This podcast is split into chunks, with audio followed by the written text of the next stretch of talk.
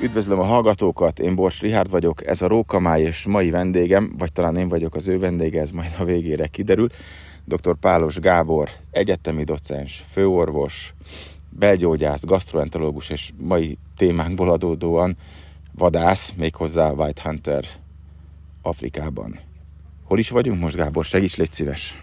Most Tanzániában vagyunk, a Maszáj földön, azon a területen, ahova sokat jártak a régi nagy magyar vadászok, Széchenyi Zsigmond, ő nem volt ide messze, ahol most ülünk, Kittenberger Kálmán, ő egy kicsikét messzebb volt, tehát itt vagyunk a Maszáj földön, a Tarangire folyótól nem messze, és uh, itt uh, töltöttük az elmúlt hetet.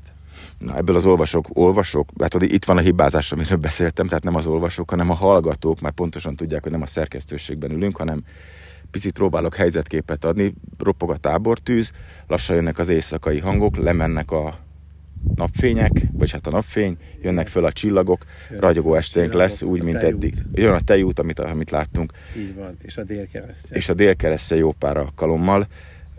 Mit jelent neked Afrika? És miért pont Afrika? Hát eh, nézd, ugye külföldön először vadászni itt voltam 1976-ban, tehát ha valakit be lehet oltani fiatal korában Afrikába, hát akkor én beoltottam. Valószínűleg e, fiatalabb koromban lehettem Afrikában, Magyarországról, mint akár melyik e, nagy magyar Afrika vadász. Hát ez az egyik.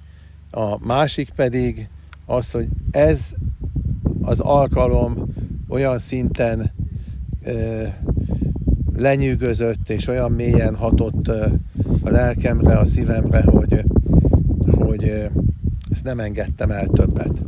És megadta a sors, megadta a Jóisten, hogy jószerivel majd 50 éven keresztül minden évben itt lehettem.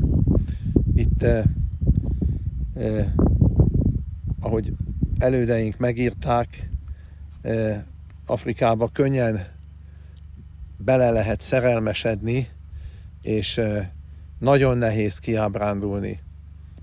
Minden keményebb, a színek plastikusabbak. Hát minden, amit te is láttál most Afrikából, megtapasztaltál ez alatt a hét alatt, ez Afrika. Ugye itt a tábortüzeknél nagyon sok mindenről beszélgettünk, szinte minden témát érintettünk. Volt szavalás, éneklés, Isaac Newton, de mégiscsak a tábortűz hangulat az, ami, ami összehozott minket itt esténként. Hányadik tábortüzede lehet ez itt az évek folyamán? Nézd, biztos, hogy ezren fölüli. Nem tudom, számon utána tudnék nézni, mint naplóvezető, nagyon részletes naplóvezető ember, vadászati naplóvezető ember az életemben, ez ezren fölüledik azért ez egy szép szám, tehát ezzel még akár otthon is büszkélkedhet az ember ez hazai vadászatok kapcsán. Ez szép, igen. Nem akarom föltenni a kérdést, de muszáj, hogy Magyarország vagy Afrika? Hát nézd, akkor Magyarország.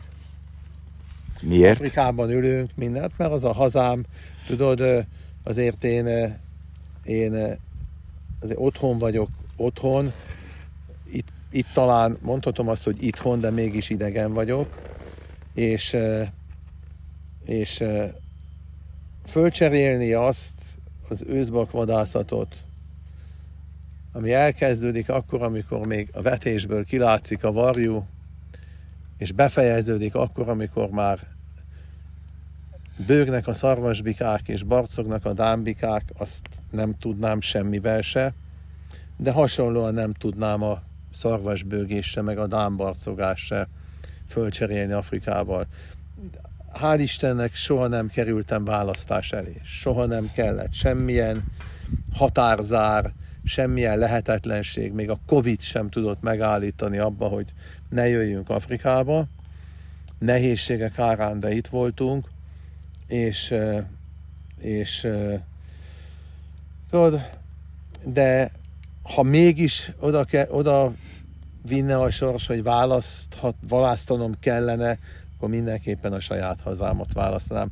És mert hogy ott a vadászat mellé olyan ezer minden emlék, tapad, és, és, és barátok, és, és, és apai emlékek, és minden emlék, hogy azt nem cserélném föl semmivel soha. Ugye nagyon sok Afrika vadászunk vannak, ha a régmúltat tekintjük, akkor még több, mert őket ugye ismerjük az írásai kapcsán. Ugye a két kiemelkedő Széchenyi Zsigmond és Kittenberger Kálmán. Nagyon sokat beszélgettünk róluk itt az elmúlt estéken. Melyik áll közelebb a szívedhez, és miért? Nagyon nehéz kérdés. Azért tettem föl. Igen, és, és a, és nem is tudnék így dönteni, biztos, hogy nem is szeretnék különbséget tenni, valakit előrébb helyezni a másik elé, a két nagyon közül. Az egyik egy tudósos ember volt, aki összehasonlíthatatlanul sok időt töltött Afrikában, és, és, és azt gondolom mindent tudott, rengeteg veszélyes vadra vadászott, ez Kittenberger Kálmán.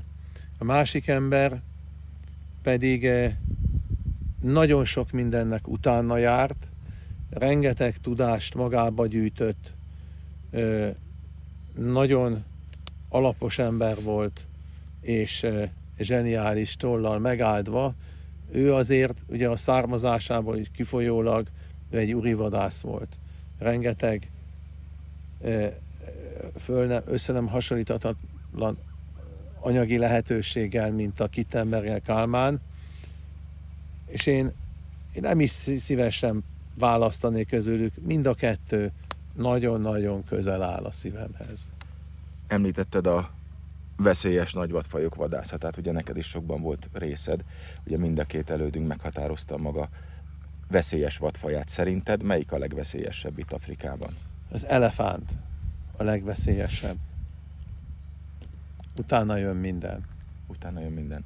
És miért pont az elefánt? Gondolom személyes tapasztalataid is vannak ez ügyben. Személyes tapasztalatom is van, és, és az elefánt egy különleges intelligenciával bíró állat. Az elefánt még talán azt is merem gondolkozni, hogy túllép az összes többi ösztön lényén, és egy adott szintű gondolkozással is bír, és ezen túlmenően ugye a hatalmas mérete, a gyorsasága, és, és ha megharagszik rád, és neked jön, akkor, akkor őt a legnehezebb hatástalanítani, az életedet menteni. Azért. Itt a pár nap alatt összeszámolhatatlan, nekiülnénk, meg tudnánk számolni, hogy hány vadfajjal találkoztunk, vadászható és nem vadászhatóval. Orixok, zebrák, gnu, strúc, számtalan, számtalan.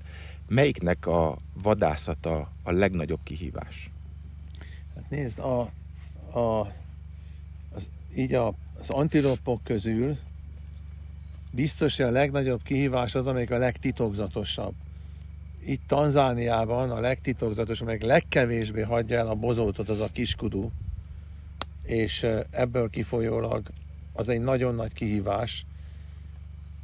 Afrika szerte nagy kihívás az, ahol az őserdőben kell vadásznod, nagyon szűk látási lehetőségek mellett, nagyon kicsi a mozgástered, illetve az, ahova föl kell menned a hegyekbe, és ritka, ilyen a hegyi nyala Etiópiában. És ezek a legnagyobb kihívást jelentő vadászatok, azt gondolom.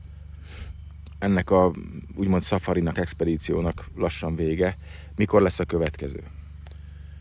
Nem nagyon hosszú idő múlva, már ugye kicsikét készülődünk is rá, kettő hét múlva jön jönnek megint Magyarországról, és két hét múlva kezdünk el vadászni megint. Így végezetül én nagyon sok tábortüzet kívánok még neked, és jó egészséget mindehez. Nagyon szépen köszönöm, Rihárd. Jó volt beszélgetni veled. Köszönöm, köszönöm. szépen.